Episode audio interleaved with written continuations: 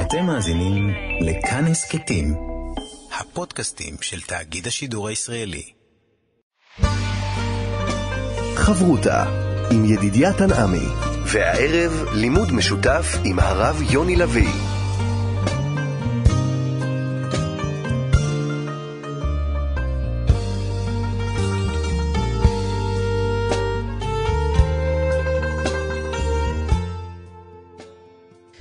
שלום כאן מורשת חברות הלימוד משותף עם הבנים ואנשי חינוך בנושא תנ"ך, הלכה ואמונה. היום אנחנו נפגשים עם הרב יוני לביא, מראשי ארגון קהלים ורב במרכז ברקאי. יחד נלמד דברים מעניינים. שלום לך הרב יוני לביא. שלום ידידיה, שלום גם לכם מאזינים יקרים, שמחים שאתם איתנו. אנחנו נמצאים ביום אה, מאוד אה, משמעותי, וממש זה סגירה של שנה. אתה יודע, קח עסק שמדבר על סגירת שנה, כולם עסוקים, כולם צרודים, אין כמעט יום ואין לילה, ומחכים להגיע לרגע האחרון. ככה גם התחושה שלנו צריכה להיות. חז"ל אומרים שהכל הולך אחר החיתום. הדבר שקובע זה המאה מטר האחרונים של המרוץ. ונתנו עצה, שגם מי שעד עכשיו ישן, התמהמה, לתת פוש, לרוץ קדימה בכל הכוחות, ולהשתדל בשבוע האחרון לעשות את המיטב. כתוב בספרים שיום כנגד יום. יש מושג בחז"ל שיום אחד בשנה חשוב שנה. Mm-hmm. ואפשר ביום רביעי האחרון של שנת תשפ"ב לתקן את כל ימי רביעי שעברנו. וביום חמישי, ימי חמישי. ובשבת את השבתות. אז ננצל היטב את השבוע הקרוב כדי לגמור את המרוץ הכי טוב שרק אפשר, ולהיכנס לשנה חדשה ברגל ימין. אז תן עצה. כל השנה לא הצלחנו, עכשיו אתה רוצה שבשבוע אחד הכל ילך לנו בקלות? אי אפשר לעשות מהפכים בשבוע אחד, אבל אפשר לעשות מעשים שמגלים את הרצון שלנו לפחות. מה זה אומר? שכשאני נעמד להתפלל, אז אם המנהג שהקפדתי עליו כל השנה זה להגיע תמיד שתי דקות אחרי שהתפילה מתחילה, אז להגיע שתי דקות לפני. אם עד היום מלמלתי, אני אעשה בשבוע הזה יותר להתכוון למילים. ביחס להורים שלי, ביחס לאשתי, לילדים, כל אחד עם עצמו וההתמודדויות שלו, לנסות לחיות יותר במודעות, יותר מתוך כוונה טובה, להשתדל יותר ברכת המזון, אשר יצר, מה שאפשר, להראות לקדוש ברוך הוא תראה, אני רוצה להיות טוב, ותעזור לי שאני אצליח לשמר את מה שאני מתאמץ בשבוע הזה, גם הלאה. Oh, זו השאלה שבאתי לשאול אותך. האם אנחנו עושים עוד איזה וי? אה, הסתבכנו כל השנה, בוא לפחות השבוע הזה נהיה ילדים טובים. או שיש כאן הזדמנות של השבוע הזה להרגיל את עצמנו כדי שבשבוע שאחריו, שזה התחלה כבר, נמשיך ולא נחזור למה שהיה לפני. הצינים שבינינו יראו את כל התקופה הזו של אלול ועשרת ימי תשובה כסוג של העמדת פנים. שם המחשה, הייתי פעם בביקור של בית ספר יסודי, הוזמנתי שם להרצאה, ואני עובר במסדרון, זה היה בית ספר של בנים, מה אני אגיד לך ידידיה, גן חיות קטן עליהם, מריבות, צעקות, בלאגן. ואז אחד הילדים צועק, המנהל מגיע! עכשיו, המנהל שם היה טיפוס מפחיד. קשוח. קשוח, שני מטר גובהו ורוחבו, פנים מפחידות. הוא נעמד שם בקצה המסדרון, תקשיב, כמו חיילים, הם עומדים דום, שלום המנהל, בוקר טוב, מה שלומך? איך שהוא מסיים את המסדרון, יורד למדרגות, יאללה בלאגן. כמו קודם, אך יותר גרוע. האם זה מה שקורה איתנו בימים האלו? זו אפשרות אחת. או שבדיוק הפוך. הימים האלו הם הימים הכי אמיתיים בשנה. במשך 360 וכמה ימים התברברנו, אבל אנחנו נזכרים ברגע האחרון להתעורר מה אנחנו באמת רוצים. ותשמע, עם יד על הלב, תשאל כל יהודי מה אתה באמת רוצה. הוא רוצה להיות טוב, הוא רוצה להיות אמיתי, הוא רוצה להיות ישר, הוא רוצה שהקדוש ברוך הוא יותר נוכח בחיים שלו. Mm-hmm. זה אנחנו, זה הרגעים הכי כנים ואמיתיים. אנחנו מקווים שזה לא ייגמר בזה כשהמנהל גומר את המסדרון, אלא שגם נמשוך מזה עוד אה, נחלים שיערבו אותנו כל השנה. בכל שנה יש לנו איזו ציפייה שאולי נעשה משהו אחר. ויש לנו תוכניות לשנה הבאה. עד כמה בעבודת השם אדם צריך באמת לשבת עם עצמו ולהכין לעצמו את השינוי שהוא יחדש בשנה הבאה.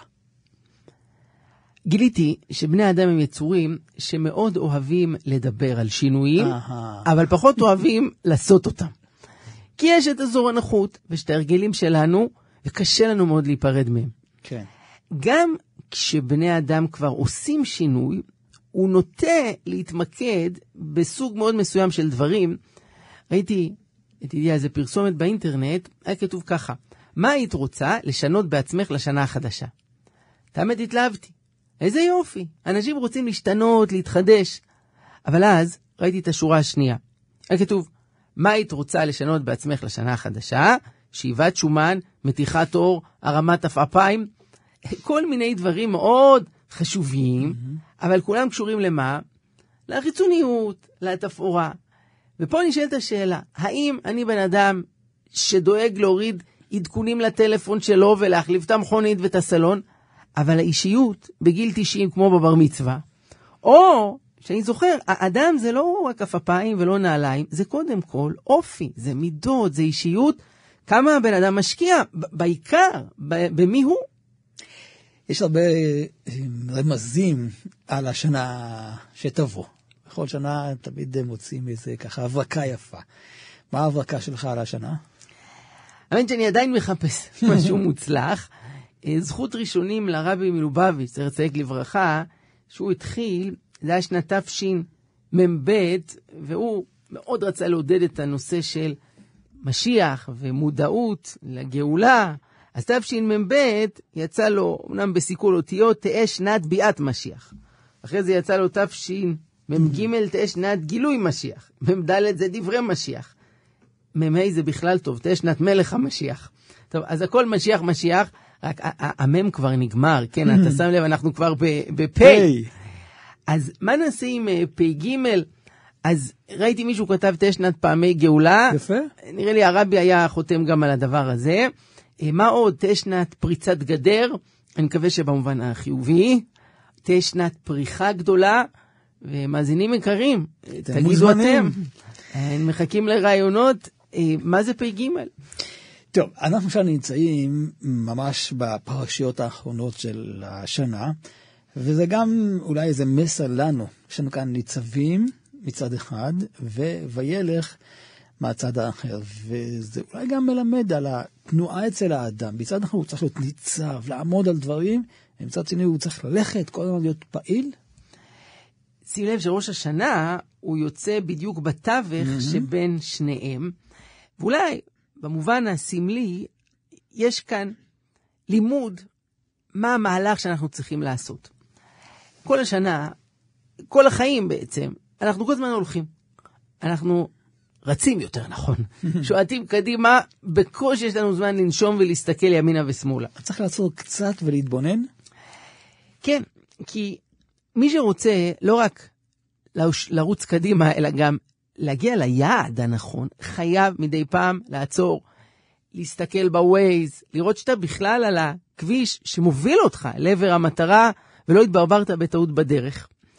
והאמת שקשה לנו לעצור, כי זה נותן לנו תחושה של אה, בזבוז זמן. היה לי לא מעט שיחות עם בוגרי שמינית, שמתלבטים מה לעשות שנה הבאה. ואחד אמר לי, תשמע, אני רוצה לעשות צבא, אני רוצה לחזק לאוניברסיטה, יהיה לי מקצוע, לימודים, נעשה כסף, משפחה.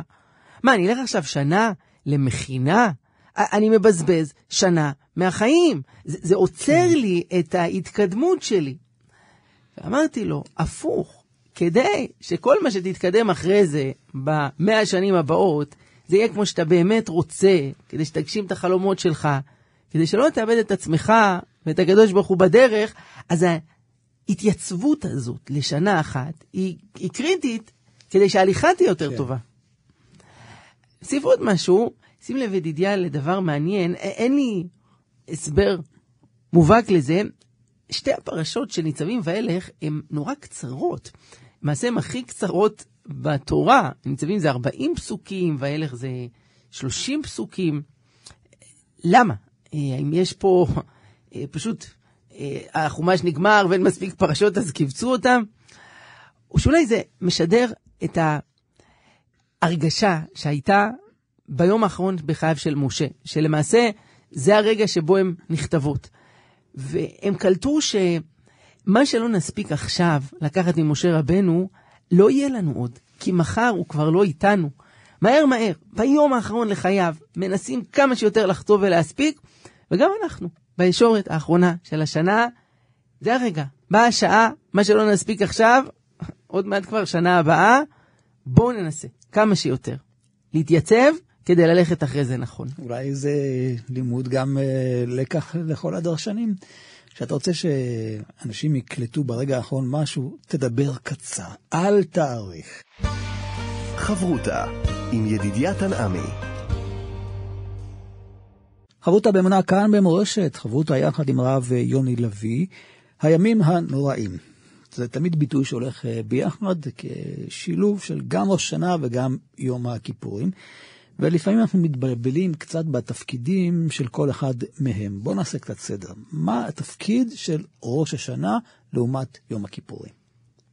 ראש השנה הוא יום הדין.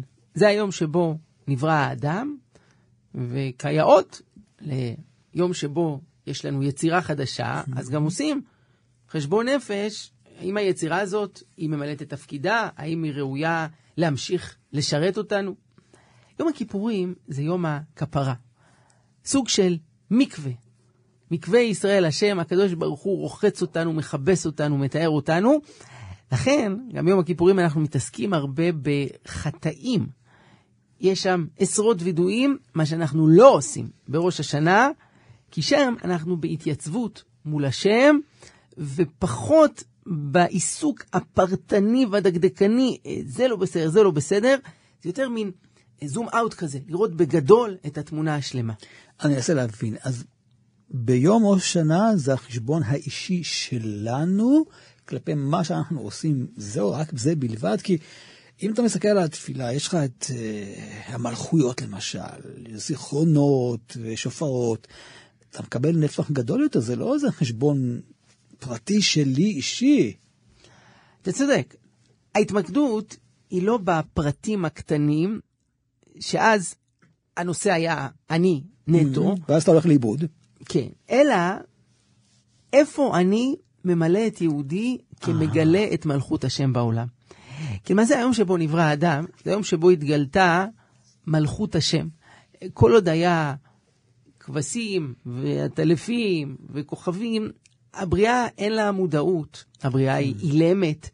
הרגע שבו מופיע האדם, זה היצור היחיד, שהוא יכול להגיד, השם מלך, השם מלאך, לגלות את מלכות השם בעולם, בדיבור שלו, וקודם כל בחיים שלו. וביום הזה נשאלת השאלה, עד כמה אני בחיי מגלה את מלכות השם? איך בודקים את הדבר הזה? מה בעצם התפקיד שלי העקרוני בגילוי שם השם בעולם? השפת אמת, האדמו"ר השלישי לשושלת גור, שם את האצבע על נקודה קריטית. הוא אומר, אדם יכול להגיד מלוך על כל העולם כולו בכבודיך, והוא התכוון על כל העולם. מה זה אומר? על הגלקסיות, על הכוכבים הרחוקים, על המעצמות האדירות, על ארצות הברית, על רוסיה, על סין, אבל הוא ישכח רק דבר אחד חשוב, וזה הוא בעצמו. אדם צריך להמליך את הקדוש ברוך הוא בראש ובראשונה על עצמו. שמלכות השם תתגלה בחיים שלו, במחשבות שלו, בתחושות שלו, בגישה שלו אה, אל החיים, לבדוק עד כמה הקדוש ברוך הוא ביום הזה מסתכל עליי. זה היום שבראתי אותך, ואני אומר לעצמי, זה היה מוצדק. הרי כזכור, ביום בריאת העולם היה ויכוח גדול בשמיים. המלאכים אמרו, כן, מה אנוש כי תפקדנו? מה זה בן אדם, קרוץ חומר, אבק פורח, כולו שקרים? ריבון העולמים, זה לא מה שהיית רוצה שיהיה בעולם שלך. והקדוש ברוך הוא מגלה אמון גדול באדם ומחליט ללכת על הפרויקט הזה. האם הפרויקט הצדיק את עצמו? זאת השאלה שמרחפת בחלל האוויר, ואנחנו צריכים לענות עליה.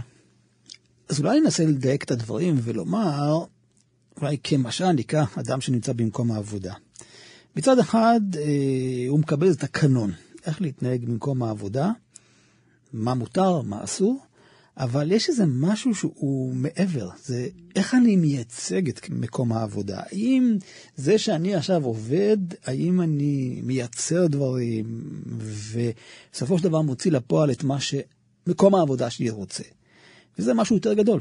וכאן זה מה שאתה אומר בעצם, שבסופו של דבר, כשאנחנו באים ליום ראש השנה, אנחנו בודקים את עצמנו עד כמה אנחנו מייצגים את הקדוש ברוך הוא בעולם, לא עד כמה אנחנו אה, סטינו ממה שהוא ציווה אותנו?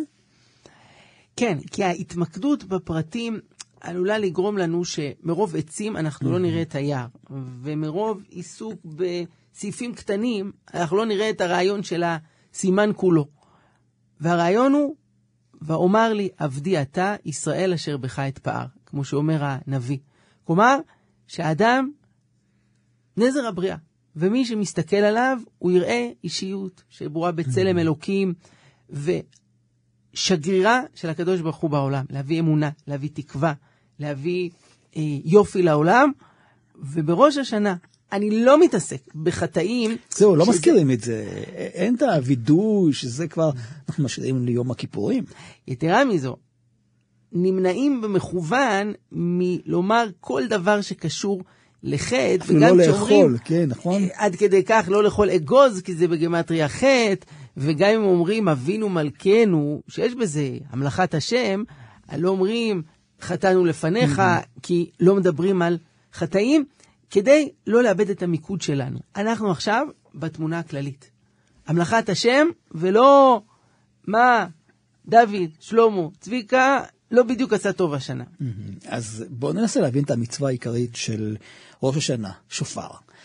תמיד אה, מנסים ככה אולי לומר לנו שהרעיון הוא שמי ששומע את השופר הוא חרד והוא מתעורר. אבל לפי מה שאתה מסביר עכשיו, זה כיוון אחר לגמרי. יש בשופר כמה היבטים. אה, ברמה הכי פשוטה זה מבטא חרדה, כן. אם ייתקע שופר בעיר, והעם לא יחרדו. יש משהו בקול המבעית הזה שגורם לנו לאיזה רעד.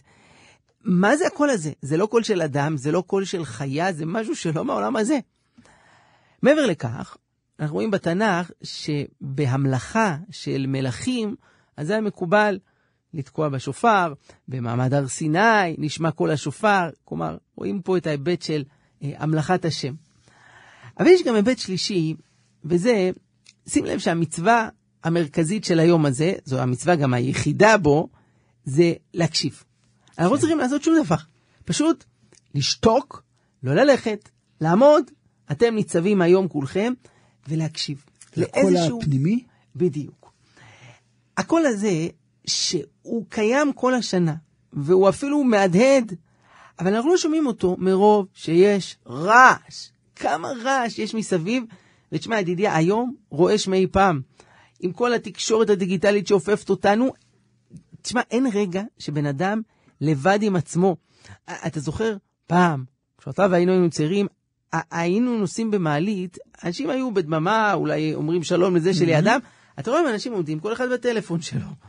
או אדם הולך לישון, אז היה לו קריאת שמע, קצת התבוננות. אין, זה נגמר. כל הזמן אנחנו מקבלים הודעות ואנחנו עונים להודעות. הרעש הזה לא מאפשר לשמוע את הקולות הפנימיים, את הקולות העדינים. והשופר מזכיר לנו את הקול הזה שמי שיקשיב לו, הוא יתעורר מחדש. אתה יודע, אני אמרתי למה יש ראש שנה יומיים, כן? כדי שביום הראשון ננסה להתרגל לשקט הזה, לקול, להקשבה. וכיוון שלא הצלחנו ביום אחד, נותנים לנו עוד הזדמנות לעוד יום, כי אנחנו כל כך שקועים ברעשים הללו. אבל בואו ננסה לחשוב ביחד על דברים שאולי מסיתים אותנו, ואנחנו טועים, ולכן אנחנו לא מתחדשים, לא מגיעים להמלכת השם כפי שצריך. בואו נשתמש בסיפור חסידי ידוע, שמגלה על כמה טעויות נפוצות שאין כמעט אדם שלא נופל בהם לעיתים. אין אחד שלא מכיר את הסיפור על רבי לוי יצחק מברדיצ'וב בליל יום הכיפורים. מה היה? כולם מחכים בבית הכנסת שהרבי יגיע, רוצים להתחיל כל נדרי. הרבי איננו. והולכים ומחפשים אחריו, ומגלים שהוא נמצא באיזה בית, היה שם תינוק נטוש, אמא שלו עזבה אותו, והילד בוכה, ורואים את הרבי מנדנד שם את העריסה. תראה, זה סיפור שכולנו מכירים. כולנו מתפעלים מרבי לוי יצחק מברדיצ'וב, ולכן לא נעים לי להיות משבית שמחות. אבל האמת היא שגם אני, שאני לא כזה מיוחד, עוד בן אדם מן השורה, גם אני הייתי הולך בליל יום הכיפורים והייתי רואה תינוק נטוש באיזה רכב או באיזה בית, אני לא הייתי משאיר אותו שם. הייתי נכנס והייתי מרגיע אותו, הייתי מחכה שאמא שלו תבוא. אני חושב שכל בן אדם היה עושה את אותו הדבר. מה, מה המיוחד פה בסיפור הזה? אז מובן בספר שיחות התחזקות, שאומר שזאת בדיוק הנקודה שבני אדם נוהגים לטעות בה. המחשבה שכן, אם יש איזה אירוע מיוחד, בליל יום הכיפורים, אם יש איזה תינוק נטוש, אמא שלו עזבה אותו, אם זה כל נדרי, וזה רבי לוי יצחק ברדיצ'וב, הופה, זה באמת מעשה מיוחד, זה עבודת השם. אבל תגיד ידידיה, מה יקרה אם הסיפור הזה קורה לא בליל כל נדרי, אלא סתם ככה ביום רביעי בלילה? ומה יקרה אם זה לא במקום כל נדרי, אלא במקום בן אדם רצה עכשיו לקרוא עיתון, רצה עכשיו לאכול בנחת, ופתאום שומע בכי של ילד. ומה עם הילד הזה? זה לא תינוק של מישהו אחר, אלא זה הילד שלו. והוא לא בן שלושה חודשים, הוא בן שמונה. והוא רוצה לספר לך, אבא, בוא תשמע מה לי היום. האם גם אז אנחנו מבינים שעבודת השם שלי עכשיו זה להיות עם הילד הזה? זה להקשיב לו? זה לתת לו את האבא שהוא כל כך צריך? במילים אחרות, יש לנו נטייה לדחוף את עבודת השם לכל מיני דברים מיוחדים. גדולים. אה, דרמטיים, בזמנים מיוחדים, למקרים קיצוניים של איזה מצוקה. אבל הרי רוב החיים זה לא ככה. ורוב האנשים הם לא רבי לוי יצחק מברדיצ'וב, ורוב השנה זה לא ליל כל נדרי. אז מה, שאר השנה זה לא עבודת השם? וזו בדיוק הטעות הגדולה. עבודת השם זה כל הזמן. עבודת השם זה גם בדברים הקטנים. עבודת השם זה לא רק אצל אנשים אחרים, זה גם עם הילדים שלי, זה גם בבית שלי, זה בכל דבר, בכל מקום. איך אנחנו אומרים בבריך שמה שלפני קריאת התורה, זה, זה קטע מתוך הזוהר הקדוש, פרשת ויקל, אנא עבדה דקודשא בריחו, תסגיד נקמה בכל עידן ועידן. כלומר, בכל זמן, בכל מקום, זאת המלאכת השם. בכל מקום, בכל זמן, עם כל אדם, כי מלוא כל הארץ כבודו. מי שרואה כך את המלאכת השם, זה סוחף את כל החיים שלו למקום אחר לגמרי, ולא רק מקום נקודתי פה ושם. חברותה עם ידידיה תנעמי. חברותה באמונה כאן במורשת יחד אה, עם הרב יוני לביא. אנחנו מדברים על אה, ראש השנה, וחז"ל מביאים כל מיני תזמונים כאלה של אה, פקדות, של עקרות, חנה, רחל, שרה, ומוסיפים גם את יוסף. למה? כי הוא נפקד ויצא מבית האסורים. ואני שואל, רגע, יוסף הסתבך במצרים, בגלל איזה סיפור אה, בבית אדוניו, והגיע הזמן של יום הולדת פרעה. עשה שם אה, ככה בדיקות והחליט להוציא את אה, יוסף בזכות אה, זה שהוא פתר לו את החלום. איך זה קשור ליום ראש השנה? למה עושים איזה כזה סיפור שקשור לראש השנה? אני מבין, נגיד עניין של לידה, אז מפתח של לידה בידי הקדוש ברוך הוא, אז באמת זה קשור לראש השנה, הקדוש ברוך הוא צריך לבוא ולהחליט עכשיו על הוספת חיים בעולם. ראשית, כשחז"ל אומרים לנו שיש רשימה של אירועים שהתרחשו באותו יום, הם באים להגיד לנו בזה שיום יש לו תכונה מיוחדת. סגולה? זה שהוא, בדיוק. דהיינו, זה שהוא הפך ליום מיוחד, זה לא מפני שקרו בו כל מיני אירועים, לכן אנחנו מייקרים ומחשבים אותו. הפוך, בגלל שיש לו סגולה מיוחדת, שיש לו תכונה פנימית, שצריך להגדיר אותה, כן. לכן קרו בו כל הדברים האלו. מה המיוחד בזה שיוסף יצא מבית האסורים? אז אם נשים לב, כל הדברים שחז"ל מונים לנו, שהראו ביום הזה, המשותף להם זה שנולדת כאן מדרגת חיים חדשה. נפקדו האימהות, בטלה העבודה מאבותינו במצרים. אם עד אותו יום הם היו עבדים, פתאום הם בסטטוס חדש, הם בני חורין. כן.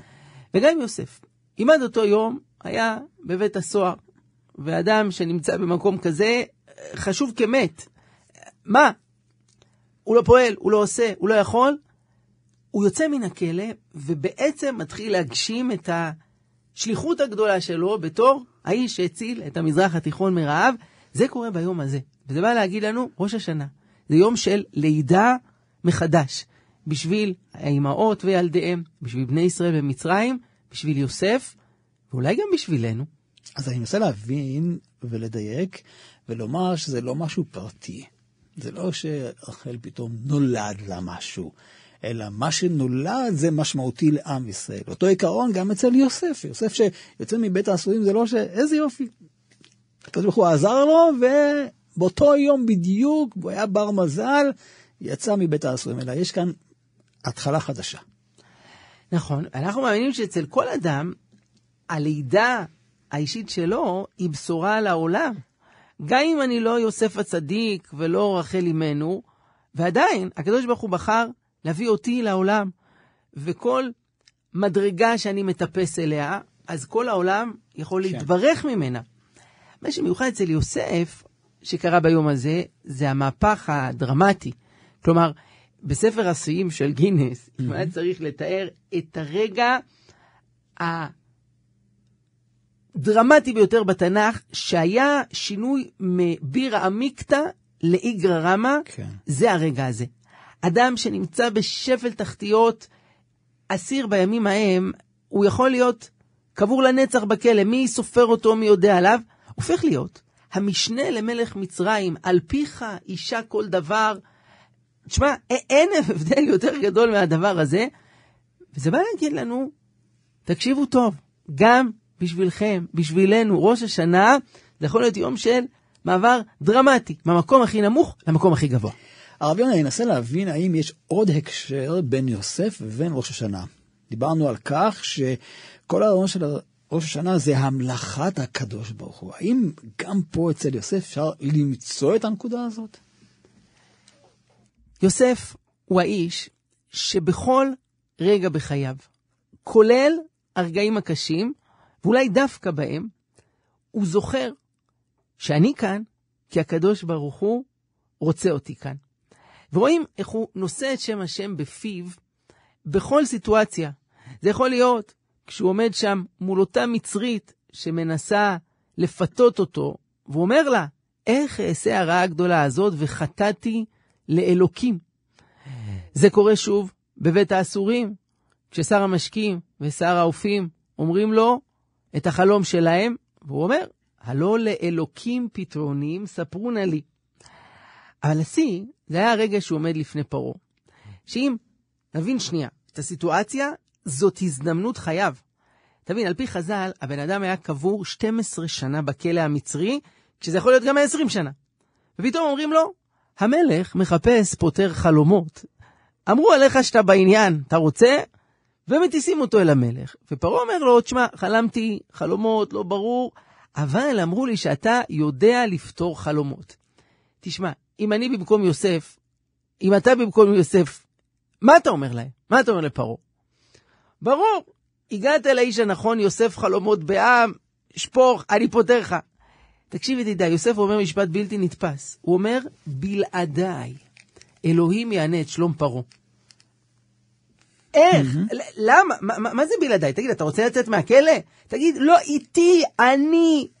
אבל תקשיב, אצל יוסף זה לא בכאילו, זה לא פוליטיקאי שלרגל הבחירות אומר ברוך השם, בעזרת השם, כי הוא רוצה לגייס מצביעים. יוסף מאמין בזה. בלעדיי, אלוקים את שלום פרעה, אני שליח, הוא ייתן לי, יעזור לי, אני אעשה, ואם לא, אז לא. ומה שיפה, תראה איך זה מדבק. פרעה, שעד היום סיפר לכולם שהוא אלוהים בעצמו, שנייה אחרי זה, תראה איך הוא מתפעל.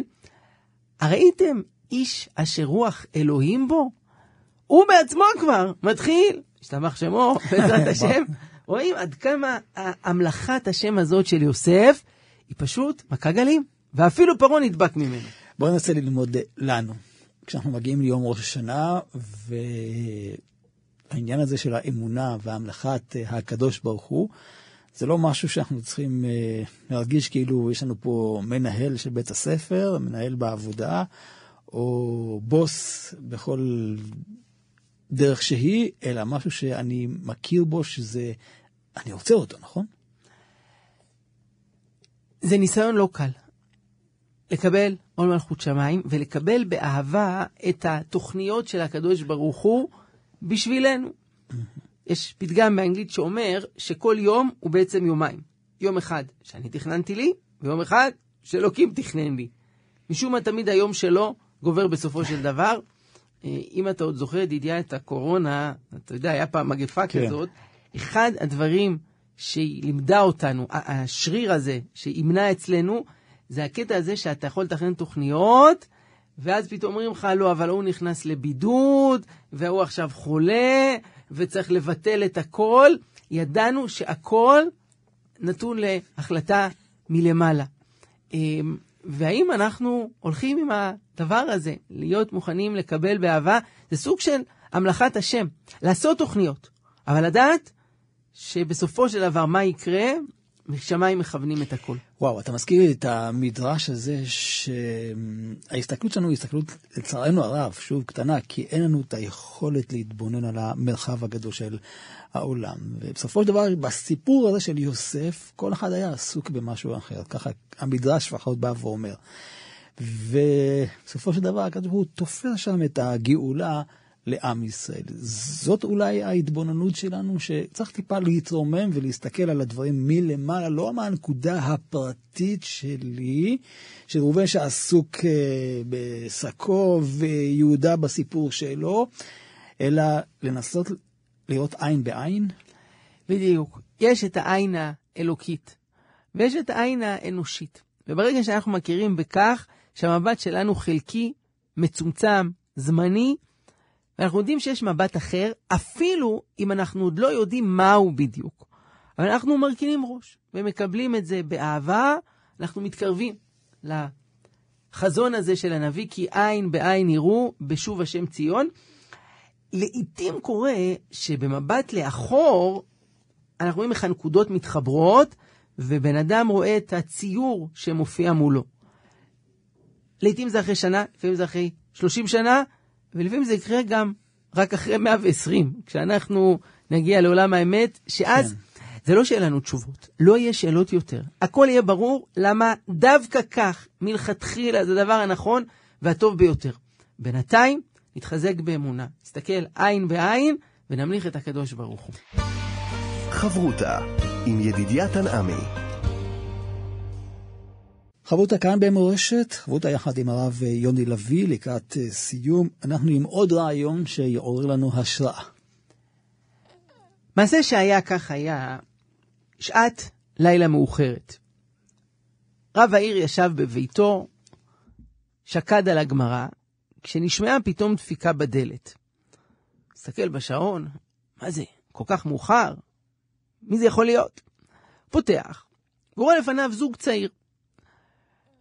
והם נראים נסערים, ניכר שקרה משהו אצלם. מכניס אותם, אומר, מה קרה? אפשר לעזור לכם? אמרו לו, הרב, אנחנו חייבים עזרה דחוף. יש לנו בבית מלחמת עולם. שואל אותם, על מה? נולד לנו ילד, ומחר, בעזרת השם, הברית. נו, מזל טוב, שמחה גדולה, מה יש להתווכח? אמרו, לא, אנחנו לא מצליחים להכריע איך לקרוא לילד. ואנחנו כבר חמש שעות מתווכחים ולא מצליחים להגיע להכרעה. אמר להם הרב, טוב, ננסה לעזור לכם. פונה אל הגבר, שואל אותו, איך אתה רוצה לקרוא לבן? הוא אומר, אני רוצה לקרוא לו משה. פונה אל האישה, איך את רוצה לקרוא לבן? אומרת, אני רוצה לקרוא לו משה. אומר הרב, נו, נשמע לי טוב, מה אתם אומרים שתקראו לו משה? אמרו לו, כן, אבל השאלה על שם מי נקרא לו משה. אומר להם, מה ההתלבטות? הגבר אומר, אני רוצה לקרוא לו משה על שם אבא שלי. האישה אומרת, אני רוצה לקרוא לו משה על שם אבא שלי. הרב, אז מה הבעיה? תקראו לו משה גם על שם אבא שלך וגם על שם אבא שלך, ובא לציון גואל. האישה אומרת, בשום פנים ואופן לא. תבין, כבוד הרב, אבא שלי היה אדם אצילי, עדין נפש, היה איש ירא שמיים, ג'נטלמן, כל המעלות הטובות היו בו. אבא שלו, לעומת זאת, איזה מין בן אדם, הוא היה שיכור, הוא היה קמצן, הוא היה גנב. אני לא מוכנה, בשום פנים ואופן, שהבן שלי יהיה קרוי על שם האיש הזה. טוב, הרב מחזיר את הכדור לבעל, אומר לו, נו, מה אתה אומר על מה שהיא אומרת? הוא אומר, תראה, היא העלתה נקודה. אבל עדיין, זה אבא שלי, זיכרונו לברכה, אני רוצה לכבד את זכרו, להנציח אותו, לקרוא לבן שלי על שמו. והם מתווכחים, מתווכחים, אמר להם הרב, תמתין, אני צריך כמה דקות לחשוב על זה. הוא נכנס לחדר הפנימי, מערער, חושב, מתלבט, יוצא החוצה, והם אומרים, נו, אומר להם, תראו, אני חשבתי, שקלתי, אני אומר, תקראו לילד משה. כן, יודעים, אבל על שם מי? אמר להם הרב, תנו לילד להחליט. הוא יגדל, ואנחנו כבר נראה בדיוק לפי המעשים שלו, האם הוא קרוי משה על שם האבא שלך, או האם הוא קרוי משה על שם האבא שלך. טוב, הסיפור הזה, ידידיה, זה סיפור שמעלה לנו חיוך, ובכל זאת, מה עומד מאחורי הסיפור הזה? אני רואה הרבה הורים משקיעים אנרגיות ועושים בירורים ומחפשים באינטרנט, מתייעצים עם רבנים, איזה שם לתת לילד. הרבה פעמים כרב שואלים אותי, האם השם הזה טוב, הוא נולד בתאריך הזה, ולא. אבל האמת היא, שמה שמביא להצלחת הילד, מה שקובע אם הוא יהיה מאושר, איזה מין חיים יהיו לו, זה לא השם שההורים נתנו לו. כלומר, יש אנשים שיש להם שמות יפהפיים, והיו אנשים ירודים מאוד. ולהפך, אנשים עם שם לא כזה מוצלח, והיו אנשים מדהימים. בסופו של דבר, לכל איש יש שם, אבל טוב שם משמן טוב, במובן שאיזה שם הוא קונה לעצמו בבחירות שלו ובמעשים שלו. לכן הייתי אומר להורים, יותר משחשוב שתתווכחו על שם מי, חשוב איזה חינוך תיתנו לו.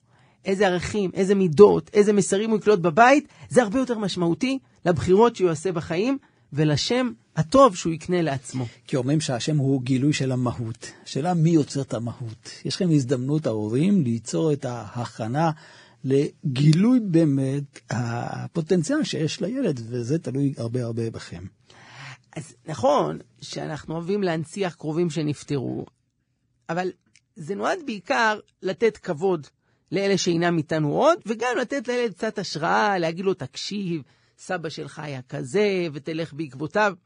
אבל ברור שבסופו של דבר, אם הילד יהיה לו שם בול כמו הסבא, אבל הוא יתנהג בצורה שמבזה את הסבא, אז מה עשינו?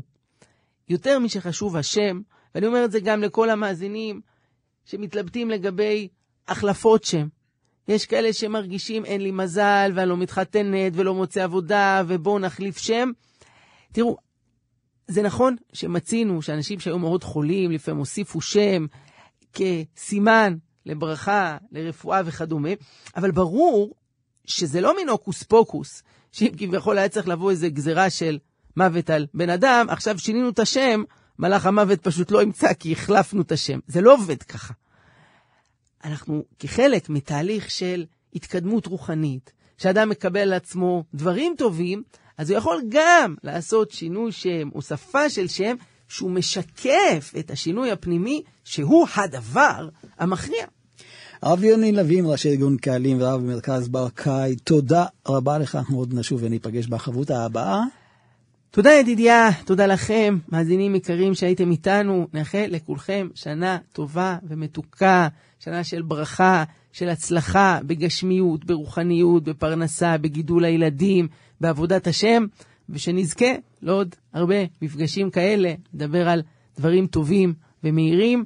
ברכת השם עליכם להתראות. ונזכיר שניתן להקשיב לחברותה הזאת גם באתר, גם באפליקציה ובכל היישומים של ההסכתים. כאן ידידיה תנעמי. אתם מאזינים לכאן הסכתים, הפודקאסטים של תאגיד השידור הישראלי.